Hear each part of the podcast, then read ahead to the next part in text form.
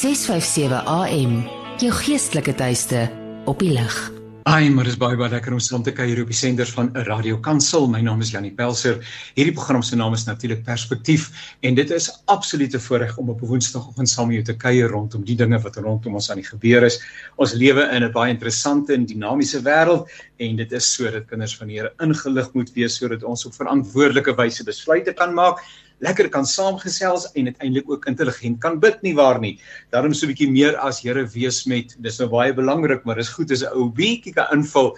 Uh, nie dat die Here nie weet nie, maar uh, dan weet ons ook wanneer die Here ons gebede voor. Baie baie welkom. Dankie aan Woesie wat vir ons die tegniese versorging van die program behartig en uh, ek herinner net dat die program beskikbaar is as 'n as 'n potgooi na afloop van die program so 'n paar minute daarna by www.radiokansel.co.za soek vir potgooi perspektief eweneens ons woensdag aktualiteitsprogram naweek aktueel. Baie baie welkom weer eens bly ingeskakel. Ons gaan heerlik saam kuier. Nou kom ek gee net so 'n bietjie inleiding vir vandag se gesprek. Na mate die nasionale verkiesing van 2023 naderkom, word daar al hoe meer gesels oor sogenaamde koalisiepolitiek as ek die term mag gebruik en aanverwante sake.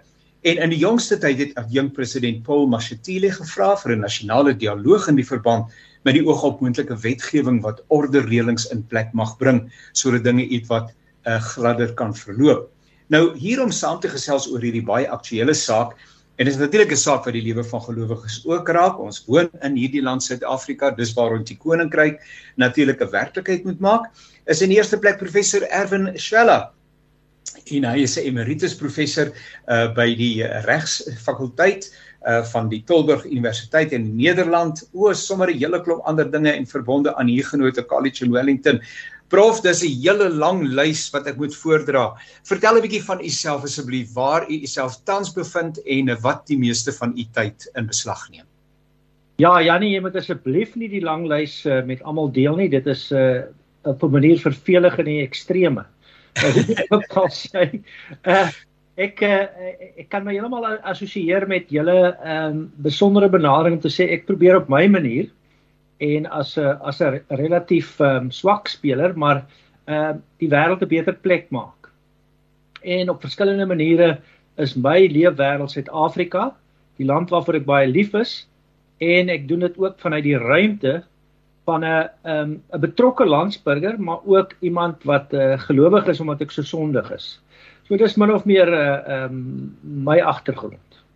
Dis so lekker om saam te kuier en as u en ook uh, eh, Dr. Gorney as u nie verbindingsprobleme daarmee gaan uh, uh, teweegbring nie.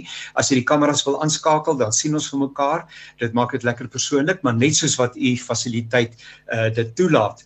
En dan uh, baie baie lekker om te gesels met Dr. Corneil Mulder. Dit is die eerste keer dat ons met mekaar saam kuier hier in hierdie program uh, Perspektief. Hy's 'n politieke wetenskaplike en hy het in die onlangse verlede sy 35ste jaar as parlementslid van die Suid-Afrikaanse Parlement gevier. Nou, dit is 'n fenominale onderskeiding.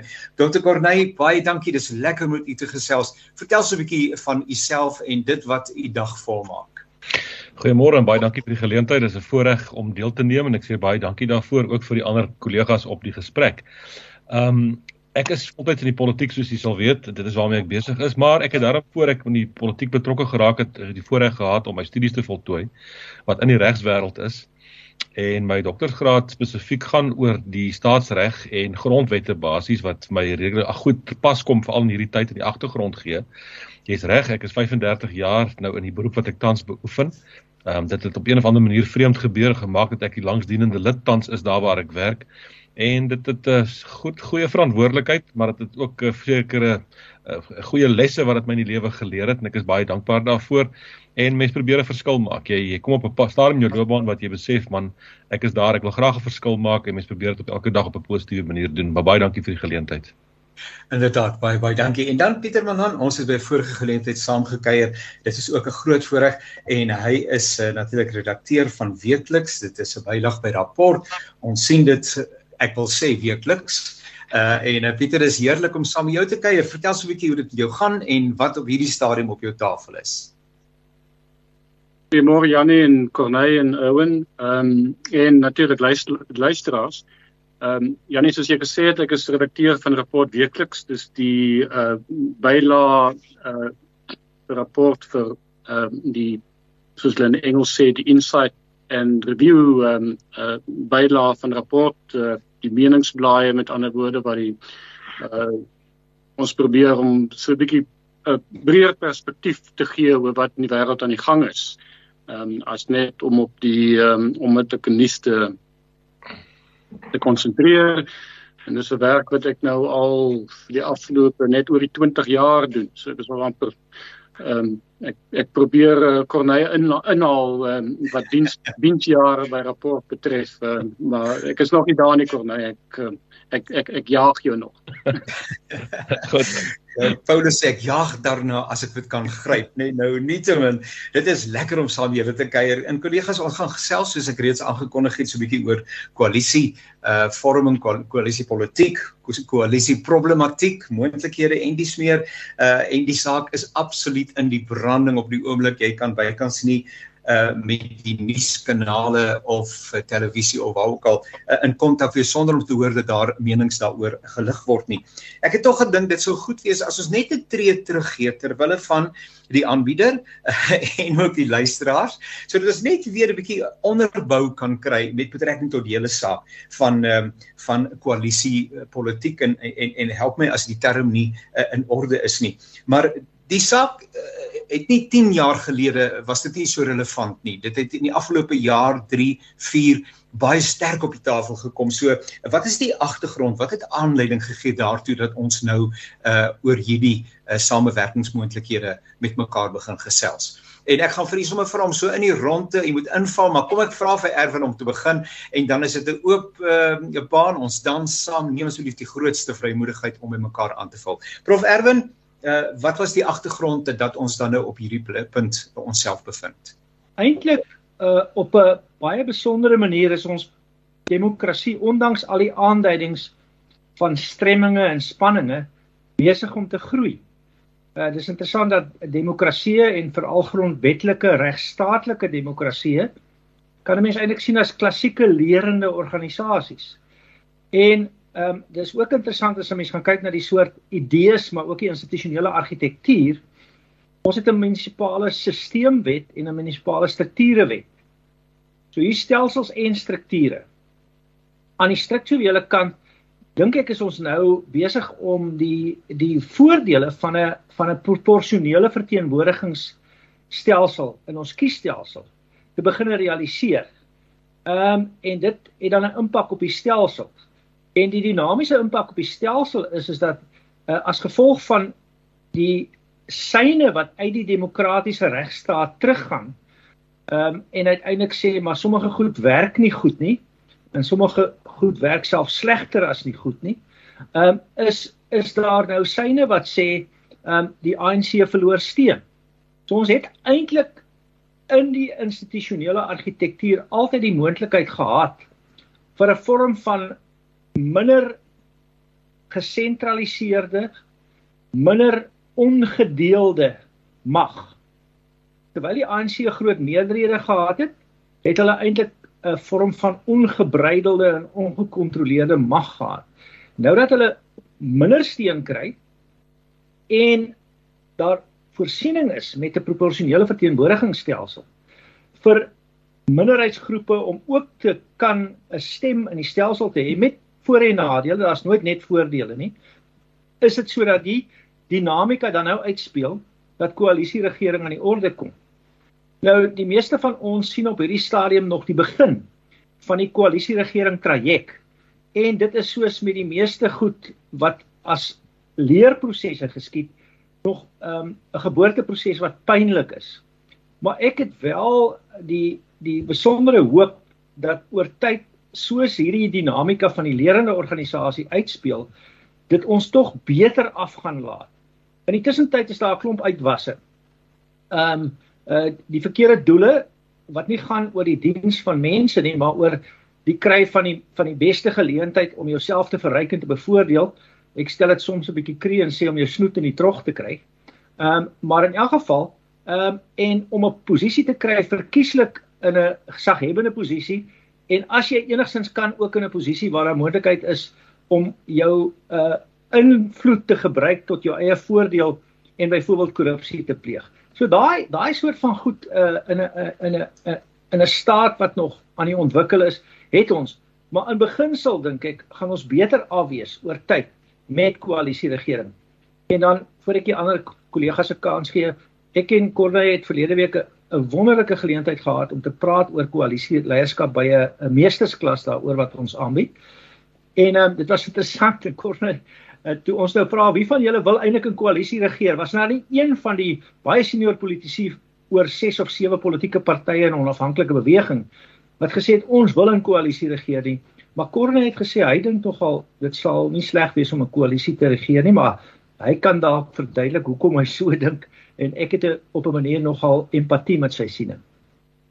Dr. Corne, kom ons hoor, dit klink dan vir my asof die hele saak rondom koalisie uh samewerking as dit of samewerkingspolitiek as ek dit so kan noem waarin verskillende mense insig kan lewer tog 'n baie positiewe ontwikkeling is uh, uh is dit nie so dat in baie Europese lande dit 'n reeds uh, praktyk is en dat dit in sommige lande Denemarke en ander eintlik uitstekend werk nie en dat ons uh, ten spyte van die van die uh, geboorteproses wat ietwat pynlik is lyk dit vir my op die oomblik uh, dat die baba wat gebore gaan word tog uiteindelik uh, gaan opgroei en en wasdom gaan bereik Ek dink jy is heeltemal reg as ek mag aanvul by die, wat professor Erwin sê en hy is heeltemal reg.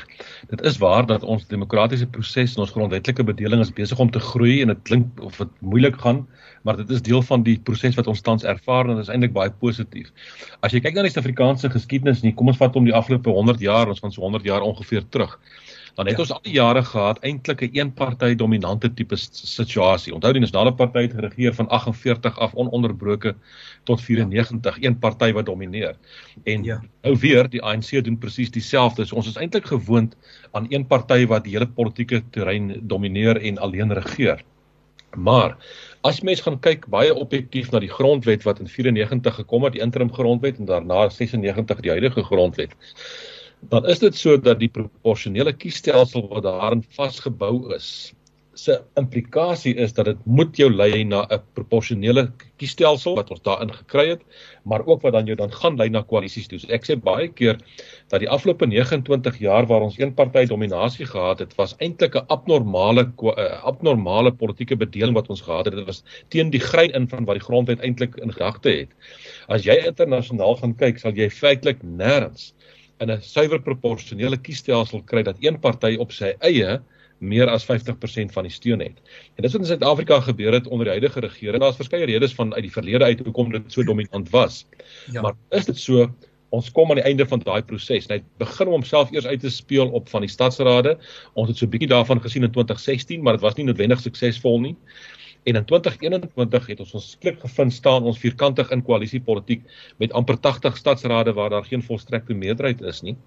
Ja. En skielik as jy geforseer om werklik die koalisie ding te ontwikkel en daarvolgens te regeer, En nou ja, ons staan ongeveer 12 maande voor die volgende groot verkiesing en ek is oortuig daarvan ons gaan dit ook sien uitspeel in van die provinsies en moontlik ook op nasionale vlak. So dit is eintlik 'n goeie ding en as ek by professor Swela kan aansluit, ja, dit is waar. Ek is eendag wat gesê het ek ek is ten gunste van koalisies. Ehm um, normaalweg is dit nie 'n party wat 'n politieke partye wil hê nie. 'n Party wil graag alleen wen en dan ja. jy die reg om alleen te regeer en jou goeders te implementeer. Die vraag is, is dit noodwendig die beste antwoord gegee 'n ja. land soos ons in is dit dalk beter dat jy geforseer word om met ander saam te werk. Ek glo nogal in kollektiewe wysheid. Ek dink dis 'n beter benadering. Eh, kollega Pieter, ek dink nogal ehm um, uh, dat 'n ou dankbaar is vir al hierdie verwikkelinge want 'n ervare nuusman, joernalis soos u self verwelkom al hierdie verwikkelinge. Dit gee jou iets om oor te skryf. Dit hou die lewe heerlik interessant. Reageer bietjie op dit wat ons twee kollegas gesê het asseblief en ons wil dankie sê vir die werk wat hulle doen uh, sodat die joernaliste ook baie besig bly. As ek dink aan Gert van der Westhuizen ook byvoorbeeld wat nou nie vandag beskikbaar is nie, maar die manne, ek weet nie wanneer slaap hulle nie. Wanneer slaap julle nie, Pieter? Ja nee, ek moet daarom sê, ehm um, as uh, as mense soos uh, die politici en ehm um, Corneille ons nie besig hou nie, daar's ook genoeg ander mense om ons besig te hou in 'n land so hierdie. ons het nie noodwendig die politici nodig om ons besig te hou nie.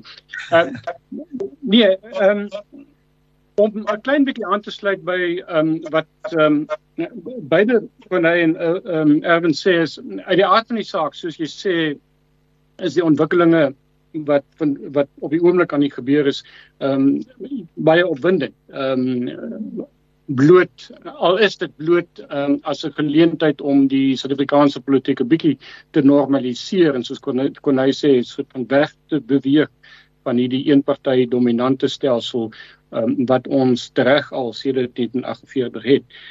Ek is net nie altyd oortuig dat dit ehm um, dat dit so maklik gaan wees nie of dat dit ehm um, dat dit selfs moeiliker gaan wees as wat ehm um, jy weet as wat ons ehm um, as wat ons dink nie. En ehm um, wel, wat op die oomblik gebeur in stadsrade en veral in Johannesburg en in Gauteng, die algemeen is 'n goeie voorbeeld daarvan.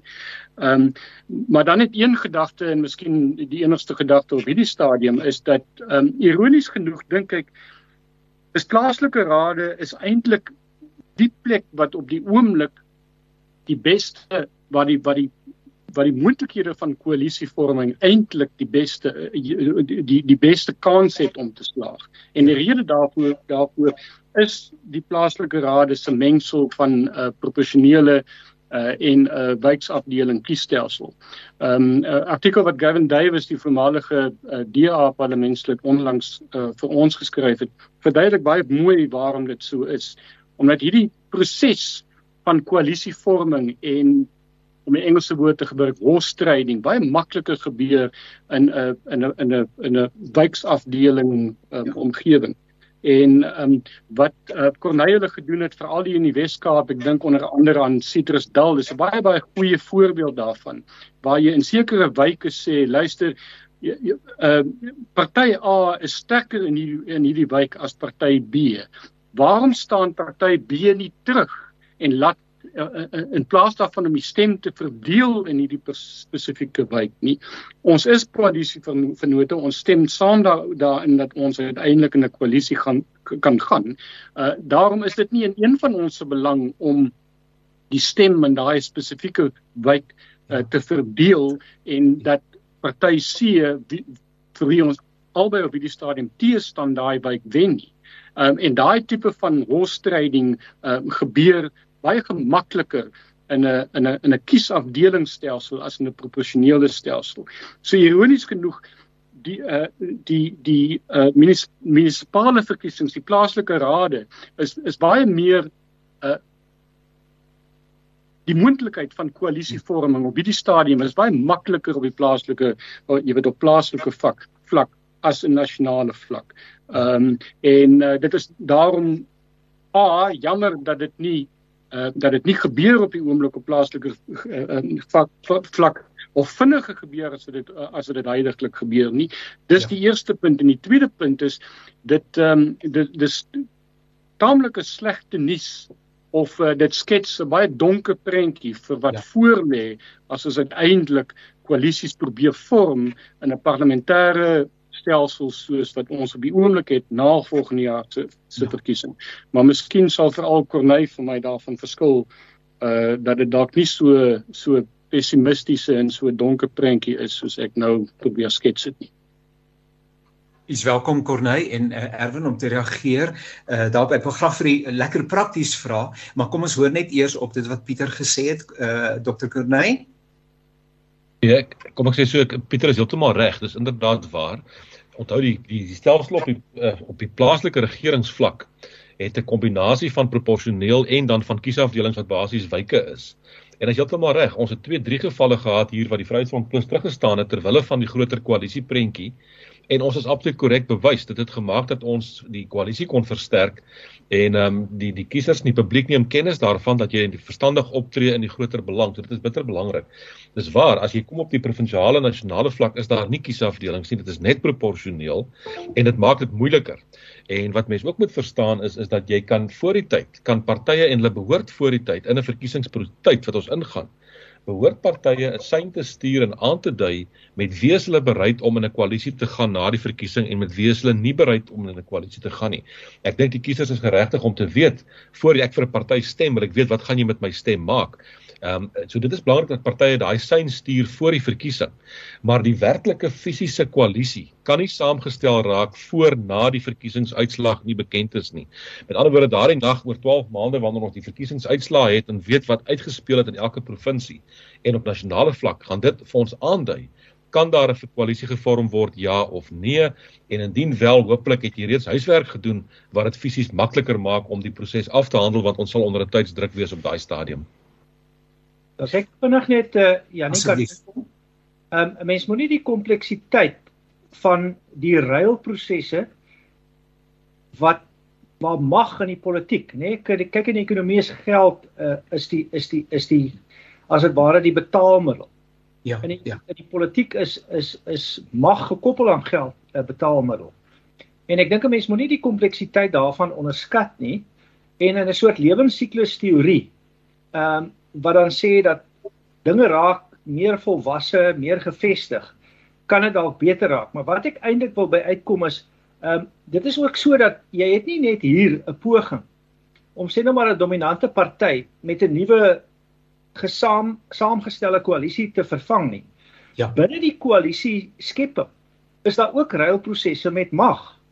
En uh dis miskien 'n effens ironiese opmerking, maar van die waarnemings wat 'n mens maak is dat jy soms partye kry uh wat sê maar ons ons het 'n groot ehm um, geleentheid hier om om sê nou maar van die dominante party watter een dan nou ook al ja. ontslae te raak omdat ons onder andere glad nie dink hulle is so goed of van hulle hou nie.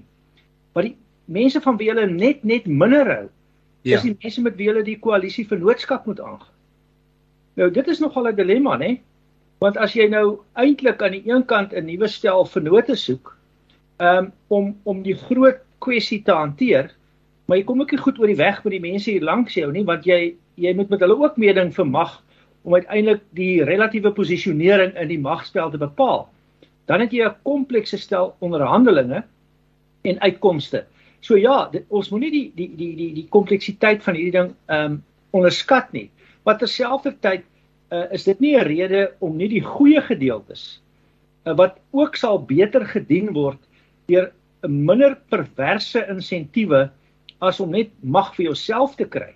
Ons het 'n bietjie nodig om te praat oor integriteit en moraliteit en etiek ehm um, ook maar dan dink ek kan dit uiteindelik deur 'n leerproses beter word.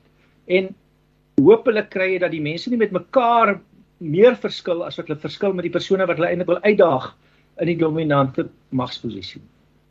Net voordat ons nou 'n stukkie musiek luister, Dr. Corney, as ek nou luister na uh ook wat professor Erwin nou sê, ehm um, dan wonder ek uh, en ek wil nie namens die uh, populis praat nie, ehm um, die samelewing praat nie, maar uh, of die vraag tog nie by mense slymerend is nie, maar is ons politici en dit is seker onregverdig om vir 'n politikus te vra, maar is daar genoeg integriteit en volwassenheid by politici in Suid-Afrika om daadwerklik die belange van die samelewing voorop te stel en te sê wat ons ook al met mekaar afspreek moet uiteindelik die doel dien naamlik om 'n veilige en 'n gesonde en watter ander byvoeglike naamwoorde sou ek nie nog kon bytrek uh, wat so ontsettend dringend nodig is in ons eie konteks nie. As 'n mens dan nou kyk hoe dit politiek uh, en veral koalisie koalisie politiek in die metro's uitspeel dan is die groot vraag maar uh, uh, aan wie vertrou ons hierdie verantwoordelikheid toe want dit lyk nie aldag asof daardie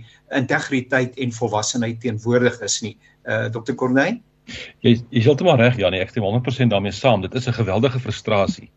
En dit is miskien makliker vir my om dit te sê want ek is hier uh, kom ek sê aan die einde van my loopbaan amper in terme van die tyd wat ek daar gedien het. En dan begin mens kyk met 'n ander perspektief na hierdie goetertjies toe. Dan begin jy besef daar's 'n baie groter prentjie as die klein eie belang van 'n politieke party want jy kry van die politieke partye wat so gefokus is net op my belang. Ek as 'n party en ek het nou hierdie party begin en dit gaan oor my nalatenskap of wat ook al die geval mag wees. En mens moet weier kyk as dit jy moet die groter prentjie sien en ek wil werklik sê jy's reg. Ek daar is politici, daar is partye wat nie daai integriteit aan die dag lê nie en wat ek dink nie te vertrou is met hierdie hele proses nie.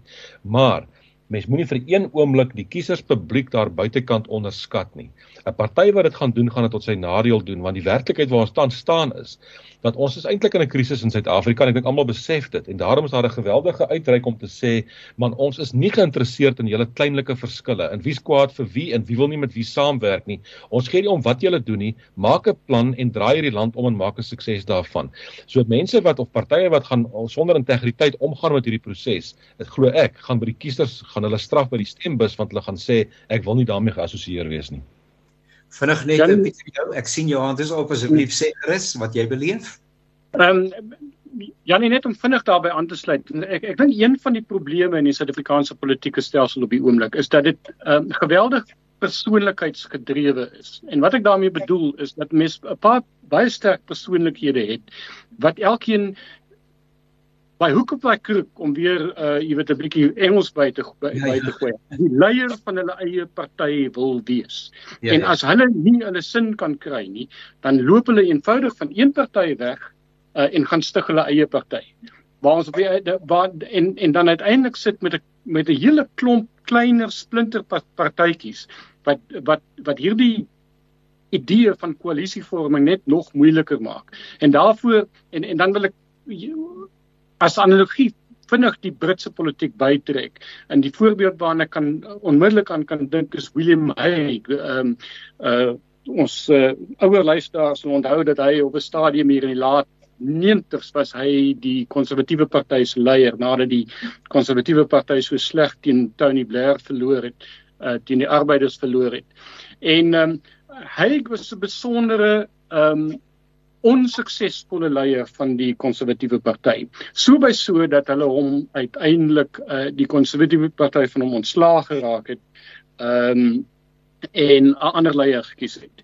Ehm um, maar wat het hy gedoen? Hy het nie onmiddellik soort van sy stert gewip en uitgestorm en 'n nuwe party gaan stig nie. Ja, hy het ja. binne sy eie party ge gebly en ja. uiteindelik 'n baie baie suksesvolle minister van uh um, van buitelandse sake uh, ge, uh geword in Cameron se kabinet. En ja. dit is 'n voorbeeld van volwasse politiek, van volwasse leierskap. Um uh, net presies die teenoorgestelde gebeur in Suid-Afrika. Dat sodra 'n party en ek gaan geen name noem nie of uh, maar sodra 'n party besluit ons wil nie meer vir leier X hê nie. Ehm um, besluit leier X as julle my nie wil hê nie dan vat ek my goed en ek loop en ek gaan stig my eie party.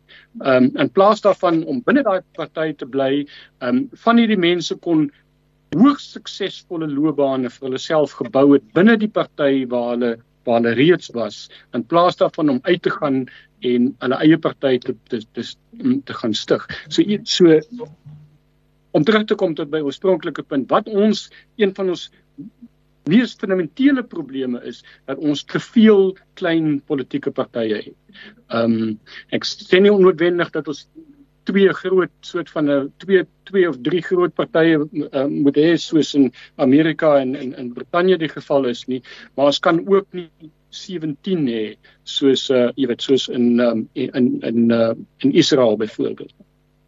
Kollegas, ek kan uh, ons het uh, dit lyk vir my in elk geval die musieksnit is baie relevant want sy naam is Besluit en dit lyk my daar's 'n klomp besluite wat gemaak sal moet word in die uh, onmiddellike toekoms. Andreas de Pre is die kunstenaar 'n kort snit, ons gaan dan luister, maar ek wil net ons luisteraar sterg en ek wil vir u uh, vra so lank. Ehm um, daar is twee scenario's op die tafel en en dankie dat u vir my ook help uh, wanneer ek dit verkeerd verwoord. Uh en en die onmiddellike toekoms uh, is dan nou die nasionale verkiesing. Dis nou die ding wat op almal se se lippe is en waaroor ons wonder. En nou kan die saak na twee kante toe uitspeel. Of die huidige regering kan sy beheer behou uh, sou dit beteken die status quo gaan doodgewoon voort soos wat ons nou het en ons wag vir 'n volgende geleentheid. Die alternatief is dat die huidige regering die ANC dan met name en daarmee probeer ons nie skuld of enigiets evalueer nie. Ons noem net wat feitelik die situasie is, bereik nie daai 2/3 meerderheid of watter meerderheid dan ook ter sprake is nie. So beide aan die kant van die ANC en aan die kant van die ander politieke partye uh is daar dan nou geleentheid om 'n koalisie uh vorming te oorweeg en te kyk of hulle op daardie manier die magsbalans kan kan swaai. Uh, sal jy vir ons net ietsie daarvan verduidelik? Kom ons luister net eers na Andreas de Pre. My vraag is met ander woorde, watter twee scenario's of is daar meer scenario's wat uh, dan nou iewers rondom volgende jaar in die nasionale verkiesing gaan uitspeel en waaroor ons luisteraars kan begin nadink. Maar uh Woesie, baie dankie ons luister na Andreas. Betroubare en relevante radio met die druk van 'n knoppie. Laai ons slimfoon toepassing nou af en luister aanlyn na Radio Kansel 657 AM. Jou daglikse reisgenoot. Uitsafatte Andreas de Pre eintlik die hele saak so pragtig saam nê. Ek dink dit som nogal nog som nogal die emosie uh, in Suid-Afrika uh, baie mooi op. Uh kollegas uh professor Erwin en en en en uh, uh dokter uh, Mulder en ook uh, Pieter uh, help so 'n bietjie rondom uh, miskien net ek dit oor vereenvoudig maar maar wat het ons volgende jaar op die tafel van dis waaroor almal praat en uh watter moontlikhede met ander woorde uh kan dan uh, uh, uh, verwerklik of werklikheid word. Kan ek met u begin asseblief uh, professor Erwin? Uh waarvan praat ons in 2024 uh, met die uh, nasionale verkiesing en hoe dit mag uitspeel? Daar's 'n klomp scenario's wat moontlik kan uitspeel en ehm um, die interessante ding is die toekomskundige sê uh dis vreeslik moeilik om te voorspel, veral moeilik om die toekoms te voorspel. Nou ja, ehm um, yeah. as 'n mens dit nou gesê het, Uh, die ja. strukture gaan nie dramaties verander nie. Ehm um, ons weet byvoorbeeld eh uh, uh, die, adjunkt president waarskynlik omdat hy dit nou noodsaaklik vind omdat die ANC in koalisies ingedwing gaan word wat ook onstabiel kan wees. Uh wil nou struktuurveranderinge aanbring, maar dit gebeur nie oornag nie. Dit beteken wetswysigings, beleidswysigings, uh lang en, en uitgerekte debatte. So die struktuur wat ons nou het is die een wat in 'n sekere sin dan nou 'n raamwerk gee waarbinne mense die scenario opsies 'n bietjie kan verminder sodat dit nou nie totaal uh as dit ware um, oordadig raak nie. Gestel dan maar ons het daai strukture dan het ons 'n proporsionele verteenwoordigingsstelsel en ons het die moontlikheid om koalisies te vorm en binne die geleentheid um kyk ons gaan nou ook dan nou volgende jaar die sentrale en die provinsiale sfere van regering, hè. Ons het nie vlakke van regering nie. Uh ons regering is tot 'n mate gedevalueer en gedesentraliseer. Nou, as ons dan daarna kyk, dan gaan dit oor wie kry watter hoeveelheid stemme. Dis 'n dinamiese element. So as die as die ANC byvoorbeeld uh beduidend onder 50% kom, dan speel daar 'n scenario uit dat hulle dringend koalisievennote moet soek daar's aanduidings dat hulle dat hulle steen tog wel nou weer styg, nê? Nee, nou wat beerdkrag daaraan na die einde toe sal doen, weet ons nou nie. So is weer 'n dinamiese element. Maar gestel hulle kom beduidend onder onder 50%, dan gaan hulle koalisievennote moet soek. Ehm um, en nou hang dit af van ideologiese denke binne die party en daar's mos nou faksies daar.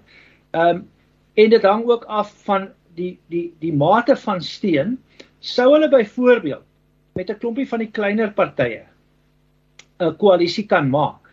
Dan speel daar een scenario uit. Dan kry hulle die die EFF, uh wie se steun hier op 10-12% staan, 'n bietjie hier en daar groei, tydplekke nooit gaan groei nie. Ehm uh, dan kan hulle byvoorbeeld die EFF bybring en hulle kan dalk oor 50% kom afhangende van waar hulle nou begin na die na die na die uh verkiesing. Ehm um, dit mag ook moontlik wees dat hulle sê ons kan die EFF uitlaat, maar ons kan met al hierdie ander rotte en muise, ekskuus, dis nou nie herhaling bedoel nie, dis maar net 'n direkte vertaling. En en wat wat op enige ander manier um, op op op opportunistiese wyse met ons wil saamspeel om hulle hand in vetpot te kry. Ehm um, en dan is daar eintlik 'n uh, onwaarskynlike manier onmoontlike moontlikheid nie en ek voorsien dit in elk geval in die toekoms van Suid-Afrika van wat genoem word in die Europese terme die sogenaamde groot koalisies, nie die Grand Coalition. Dis waar die CDU in Duitsland saam met die uh die die Christendemokrate en die CSU, hulle susterparty in in Beiere, saam met die SPD, dit wil sê die sosialistiese party werk. Ehm um, en dit is dus moontlik dat dat dat so 'n koalisie kan uitspeel en dis 'n 'n sentrum koalisie tussen die ANC en die DA. Sal moeilik gaan. Ehm um, want daar's ook verskillende kulture in die party en ons het nou die probleem van langstaande korrupsie wat die hele ding beduiwel. Wat sê ek Janie, ek is nou jammer maar ek kan nou nie uh die toekoms voorspel nie. Ehm uh, maar hier is 'n klompie scenario's. Uh ehm um, een opsie is is 'n kom ons sê dan 'n 'n 'n rooi of 'n linkse koalisie met bepaalde faksies van die ANC waaraan die ander faksies moeilik sal byt. Ehm um, wat dan 'n EFF koalisie vorm. 'n Tweede scenario is die ANC en en al die kleiner partytjies en hulle sluit dan die die twee groot uitdagers die DA um, dit sal sekerlik nie die Vryheidsfront plus insluit nie. En terloops ek sal baie spyt wees as Dr. Connie besluit hy tree uit die politiek uit want ek dink hy speel 'n besondere rol as 'n uitnemende en 'n intellektuele leier in die politiek en ek smeer nie hom om sy mond nie ek ervaar dit. So dit gesê, dan kan jy daai soort van kom ons noem dit die rotte en muise koalisie kry. Weet ek voorsien kom in 2023 nie. Waar is ons nou?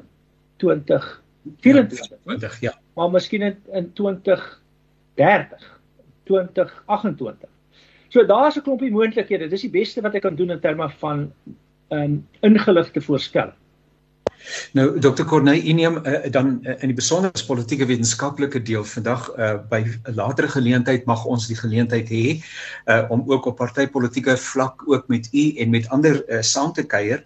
Ehm um, maar maar uh, help oplie vir ons dan nou kom ons veronderstel dat ehm um, die die ANC wat dan nou die heersende invloed tans in Suid-Afrika is, ehm um, beduidend minder as 'n meerderheids en hulle sou met byvoorbeeld die EFF en, en ons praat nie politiek nie, ons praat doodgewoon ehm um, sistemies as ek dit mag noem, samewerking, ehm um, wel uh, dit regkry om steeds dis uh, die die sektor te swaai. Dis nou een scenario. Kom ons veronderstel uh, dat uh, hulle of nie 'n vernoot kry nie, uh, of dat die, die klomp ander uh, partye sê nee, maar ons ons gaan nou saamsnoer en ons gaan probeer om uh, die die die ster te swaai. Help net 'n bietjie vir ons die ander moontlikheid. Ek bedoel ons voorsien tog dat daar moet iets anders op die tafel kan kom. So hoe lyk daai iets anders? Ja, kom ek probeer so verduidelik en ek, ek so reageer. Ek dink in die eerste plek wat ons kan aanvaar is dat daar volgende jaar oor 'n jaar van nou wel 'n verkiesing gaan plaasvind. Ek weet daar's mense wat so altyd sê vroegtydig nee jong die verkiesing gaan nie plaasvind nie. Daar gaan 'n noodtoestand wees en gaan uitgestel word. Ek dink dit is onwaarskynlik waarskynlik sal die verkiesing wel plaasvind. Dis die eerste punt wat ek dink die luisteraars maar kan van kennis neem. Die tweede een is dat ons het 'n geskiedenis in Suid-Afrika dat ons verkiesings gewoonlik plaasvind rondom April. Ons het 'n paar gehad in Mei. Ons het een verkiesing gehad in Junie. Ons het die 2de Junie 1999 verkiesing gehad maar die meeste was in April en Mei maand en dit is baie moontlik dat dit volgende jaar waarskynlik dieselfde gaan wees. Daar's een scenario dat die regerende party tans mag poog om dit sover as moontlik weg te skuif en dan word gepraat van selfs Augustus om een rede dit is om die kragprobleem opgelos te probeer kry voordat die kiesers gaan stem maar kom ons wil maar kyk wat gaan uitspeel. Nou die uh, uh, uh, professor Swela is heeltemal reg in terme van die verskillende scenario's wat moontlik is en wat kan uitspeel. Die een is wat baie duidelik is en wat baie wonderlik is, menslikerwys gesproke, is die bal vierkantig in die kiezer se baan, as ek dit so mag sê. Ja, die kiesers ja. gaan bepaal wat gaan gebeur na die verkiesing deurdat hulle gaan registreer en deurdat hulle gaan stem. Een scenario sou wees dat die ANC weer 'n volstrekte meerderheid op sy eie kry, dat hy meer as 50% het en mense moet daar verstaan hoe ons kiesstelsel werk. Uh mense stem vir politieke partye, alle stemme word getel, persentasies word bereken en afhangende van die persentasie steun wat jy het, bepaal wat se setels jy het. So die nasionale vergadering wat 400 parlementslede het, as jy 10% van die steun kry, gaan jy 40 parlementslede kry in die stelsel. Dit is in in kort bietjie vereenvoudig, maar dit is hoe die stelsel hoofsaaklik werk. Ja. Nou as die ANC op sy eie meer as 50% kry, gaan hy alleen bly regeer. Ja. As die ANC onder 50 gaan is daar ander moontlikhede. En wat ek graag mee besig is en ek is aktief daarmee besig op 'n daaglikse basis. Ek sê uit uit my oogpunt uit dit is moontlik en daar moet gewerk word daaraan om wel 'n totale verandering te kry om 'n nuwe politieke bedeling daar te stel in terme van regering. Ja. En die gedagte wat my betref is ek het al gepraat van 'n nuwe IDF bedoelende 'n breë proses wat aan die gang kom oor die gemeenskap heen en wat uitloop in 'n stemmery by die stembus wat 'n ander moontlikheid maak om 'n ander meerderheid saam te stel waarvan die ANC nie sal deel wees nie. En ideaal sal wees om daardie suksesvol so te doen dat selfs as die ANC en die EFF met mekaar wou saamwerk, hulle ook nie 50% kan kry nie. Dis 'n dis 'n groot uitdaging, maar dit kan bereik word en dit sou dit moontlik maak om dan 'n ander koalisie saam te stel. Ek praat van 'n reënboogkoalisie van ja. partye wat uh, op dieselfde golflengte is wat 'n sekere beginsel ooreenkomste met mekaar sal bereik voor die tyd en wat dan daar kan stel maar om dit te bereik gaan 'n geweldige poging wees en die bal gaan wees in die baan van die kiesers. Ehm um, daar's 'n enorme hoeveelheid kiesers wat sal moet gaan registreer en ek identifiseer basies drie groepe kiesers wat daardie verskil sal kan maak en ek net vinnig drie groepe noem. Die een groep sê ek is jong mense van 18 kom ons sê tot 30 waarvan baie nie geregistreer is nie. Sal moet sê ons raak weer betrokke. 'n Tweede groep is ouer kiesers wat nie geregistreer is nie wat opgegee het op die stelsel en sê ons gaan tog nie stem nie. En dan die belangrikste groep amper is daar's ongeveer volgens die peilings 'n derde van bestaande ANC mense wat nie gemaklik met hulle eie party is nie en wat waardegewys en beginselsgewys nie te ver staan van die middel af nie wat ook oortuig kan word om deel te word van so 'n nuwe beweging wat wel die verskil kan maak ek ek sit dit op die tafel as 'n alternatief teenoor die gedagte van 'n ANC EFF samewerking of die gedagte van 'n sogenaamde Grand Coalition waar die ANC en die DA in regering sal gaan wat 'n ander alternatief is wat ook genoem word. Nou Pieter, uh, uh, asseblief sluit gerus daarbey aan, maar nou hoor ek vir Corneille, Dr Corneille, uh skoon my die familiariteit, uh dat hy sê die bal is in die hand van die kiesers. Ehm um, ek het tog in verskeie gesprekke wat ek nou al gevoer het, uh, die gevoel gekry dat mense sê die bal is in die hande van die politieke partye.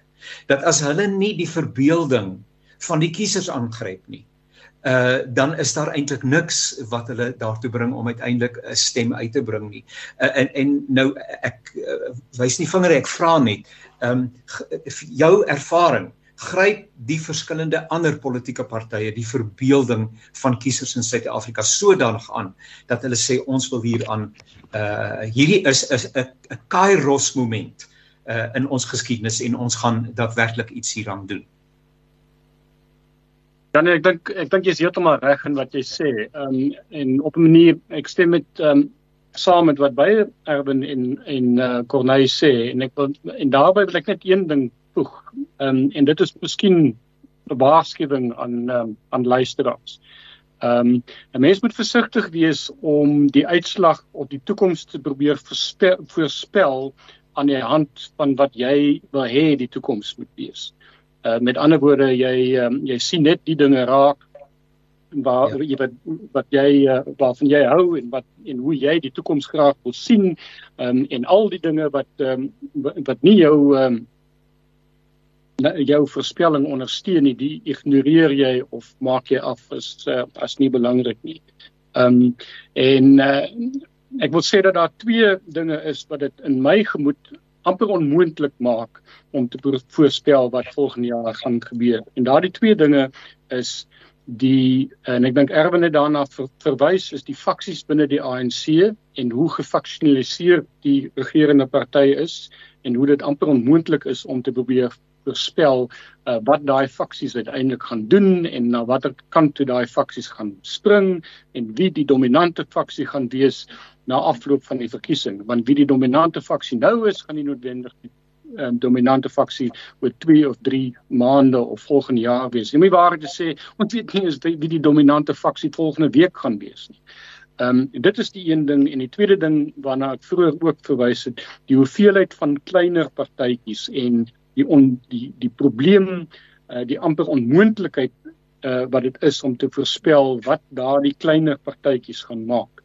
Ehm um, hoeveel steun hulle uiteindelik gaan kry en wat hulle gaan maak met die bietjie steun wat hulle het. En met daai twee uh met daai twee gegevens in die oog vind ek dit uh, net soos Erwin uh byna onmoontlik om uh, om te probeer eers te probeer voorspel wat volgende jaar gaan gebeur en ek ehm um, alle sterkte aan uh, aan die politici en mense soos Corneille wat probeer om uh, orde uit hierdie chaos te skep. Dr. Corneille, die ehm um, die sogenaamde uh, is die woord Moon Pact van meneer John Steenhuisen, hierdie droomscenario, het nou gepraat van 'n grand coalition. Bied dit moontlikhede dat so iets inderdaad van die grond af kan kom? Kom ek sê so en ek uh, kom ek wees met jou eerlik en ek was nie beïndruk toe die Moonshot Pact aangekondig is nie. Ek dink dit was 'n duplisering gewees van 'n proses waarmee ons reeds besig is. Maar ek verstaan ook mense moenie goeders afskiet of negatief wees daaroor nie. Eh, enige poging om te probeer om die dinge reg te maak en 'n verskil te maak is ek dink is is 'n goeie gedagte om die waarheid te sê. Ek is net nou op pad parlement toe vir vanmiddag se debat en ek het 'n afspraak ek wil vir John Steenhuisen sien vanmiddag om hom te sê, ehm um, die Moonshot Pact moenie misluk nie. Maar as hy nie moet misluk nie, dan moet sy verwagtinge nie te hoog wees nie, want wat kan hy werklik bereik? Jy kan nie 'n koalisie vorm voor die verkiesing nie. Jy kan 'n aanduiding gee van partye wat bereid is om met mekaar saam te werk. En my gedagte rondom die die die uh, benadering wat ek van praat van 'n breë UDF, as ons suksesvol wil wees, kan dit nie kom van die politieke partye nie, wat ek dit net so probeer verduidelik dit help nie ons gaan die verkiesing in. As jy as jy die politieke partye aan die oppositiekant vat en ek ek sluit nou die die uh, EFF daarbey uit dan praat jy van omtrent hier na 'n 32 tot 35% steunbasis. Kom ons sê is amper is 'n derde van die kiesers op die oomblik wat geregistreer is Dit help nie ons gaan 'n verkiesingsproses in en as ons uitkom ander kant, het ons nog steeds 'n derde, maar al wat gebeur het is ons ons het die derde so bietjie geherrangskik. Hierdie party het 2% meer, daai party 1% minder nie. Ons het niks bereik nie. Ons moet 'n proses daarstel wat 'n verdere 10, 15 plus persent mense na die stelsel toe gaan trek. En my gevoel is net die politieke partye kan nie die inisiatief daarmee neem nie. Hulle behoort dit ook nie te neem nie. Dit moet die burgerregte en die burgerlike samelewing wees wat uitgaan en dis hoekom ons praat van 'n breë UDF dat jy beweging op tou sit wat sê kom ons maak Suid-Afrika reg. Kom ons draai die dinge om. Kom ons kry verandering en regeringsverandering in 2024. En dan betrek jy die sakewêreld, jy betrek die media, jy betrek die besigheidslui, jy betrek die akademici, jy betrek die kerke, jy betrek individue oor die hele spektrum heen wat almal beweeg in dieselfde rigting en sê dit is ons almal se gemeenskaplike verantwoordelikheid. En daardie beweging behoort te staan op kom ek sê 10 breë beginsels wat beste internasionale praktyk is. En dan is dit vir oppositiepartye om te sê maar ons wil daarmee assosieer.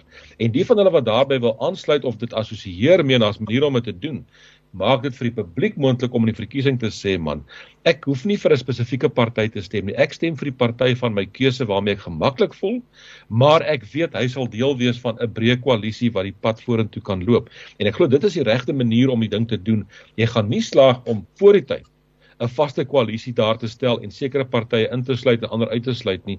Ehm um, dit gaan nie op daai manier kan werk nie en en dit is 'n fout om te dink dat die politieke partye die inisiatief moet neem en dan moet die burgerlike gemeenskap eenvoudig by die partye inskakel. Dit werk nie so nie, dit moet aan die ander kant om wees. Dr. Swela, so 2 3 minute net. U is besig met 'n inisiatief, het 'n mandaat ontvang en uh wat 'n uh, bietjie onderbou en ehm um, uh ja, en en en beginsels en opleiding en uh, verwoord dit asseblief.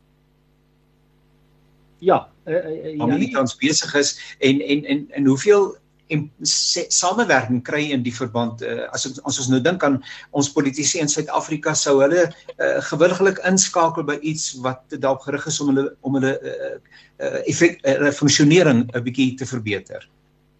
Ek het nogal en miskien is dit 'n naïewe geloof, maar 'n 'n soort van 'n baie sterk ingesteldheid dat kennis op 'n of ander manier 'n bydrae kan maak. Kennis is tog 'n wonderlike kommoditeit, nê? Nee? As jy dit deel, dan word dit meer nie minder nie. En as jy dit gebruik word dit ook meer en nie minder nie. En my hele lewe lank is ek in die kenniswêreld en en volg ek daai benadering.